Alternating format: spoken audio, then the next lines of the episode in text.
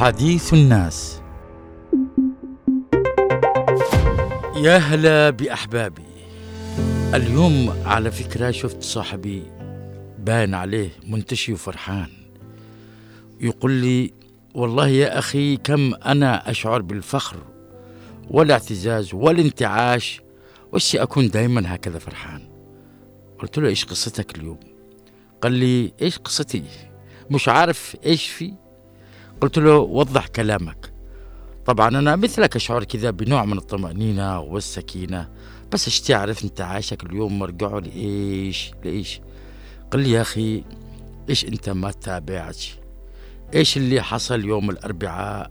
ما سمعت على اللبنة التنظيمية الجديدة اللي شكلت إضافة نوعية للمؤسسات الوطنية السياسية للانتقالي قلت له ها أيوة أيوة. الآن فهمتك. تقصد الاجتماع التأسيسي لمجلس العموم الجنوبي. قال لي نعم عليك نور الآن عرفت.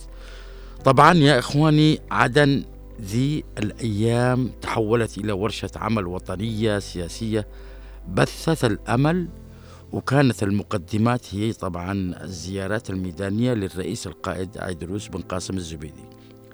زيارات ميدانية لكل من لاحق والضالع واللي كان قد بدأ طبعا بلقائه مع أعضاء المجلس الانتقالي بالعاصمة ومنسقيات جامعة عدن.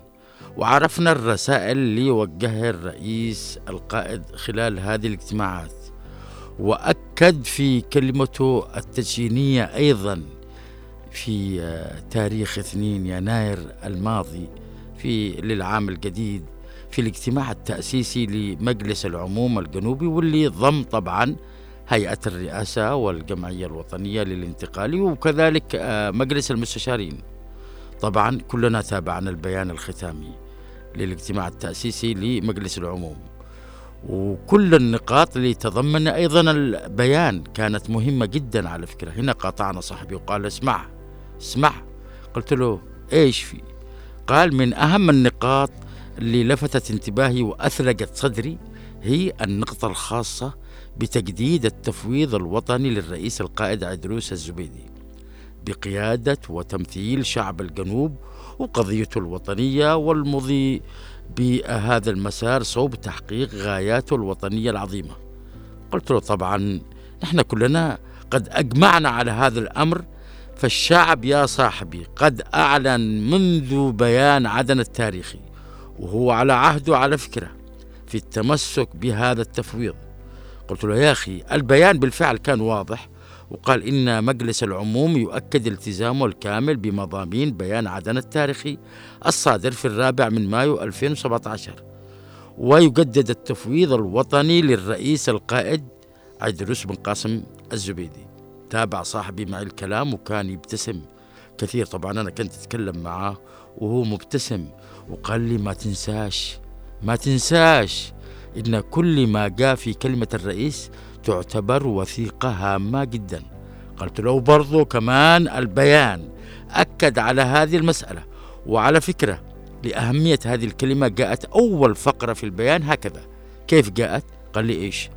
قلت له أقر طبعا حسب ما جاء في البيان أقر مجلس العموم اعتماد الكلمة السياسية والتوجيهية اللي ألقاها الرئيس القائد عدروس الزبيدي وثيقة أساسية اسمع تمام وثيقة أساسية من وثائق الاجتماع وإطارا توجيهيا لعمل المجلس.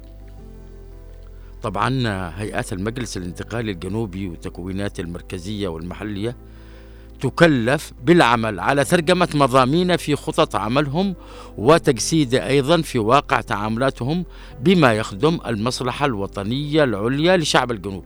وعلى كل حال يا إخواني لازم نتنبه كثير على فكرة شوفوا كلما حقق الشعب شعب الجنوب إنجاز جديد زادت حمى وهستيريا أعداء الجنوب. كذا من الآخر لازم نفهم. ولذلك لازم نكون يقظين. على الدوام. لازم ما نفتحش آذاننا للإشاعات المغرضة والأكاذيب. شوفوا يا أخواني نقولها لكم من الآخر. وأنتوا أكيد عارفين أكثر مني. المجلس الانتقالي الجنوبي هو الحامل السياسي الوطني والممثل الشرعي لقضية شعب الجنوب.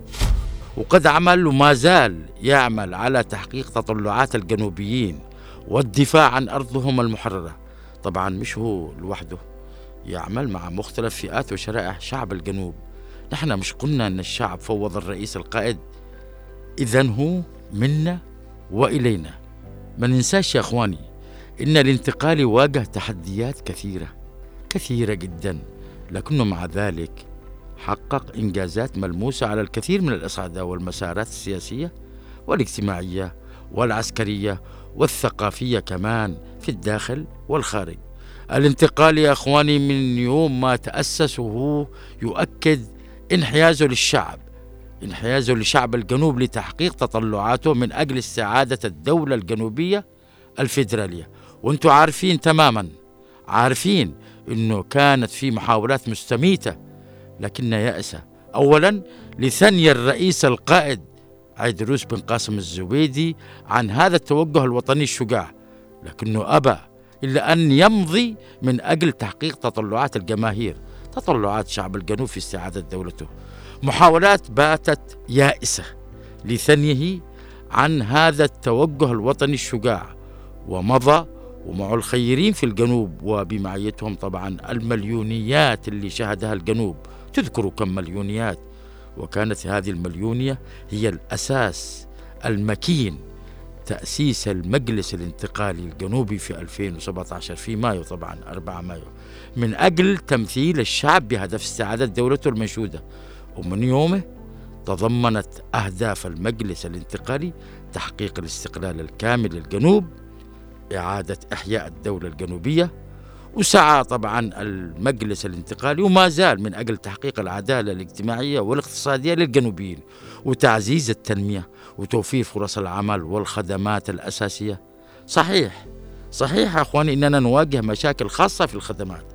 باختصار نحن كمواطنين وسياسيين واقتصاديين مسؤولين مرؤوسين كل ألوان الطيف يا أخواني كل ألوان الطيف السياسي والاقتصادي والاجتماعي نتعرض يا أخواني لحرب الخدمات وهذا يتطلب مننا نكون متحدين جميعا نتسلح بالوعي الوطني نوقف إلى جانب ممثلنا الشرعي والوحيد من أجل بلوغ أهدافنا المنشودة وعلى رأس استعادة الدولة الجنوبية الفيدرالية فهي طبعا قريبة منا وبتقترب أكثر وأكثر كل ما زاد تلاحمنا مش كذا ولا لا؟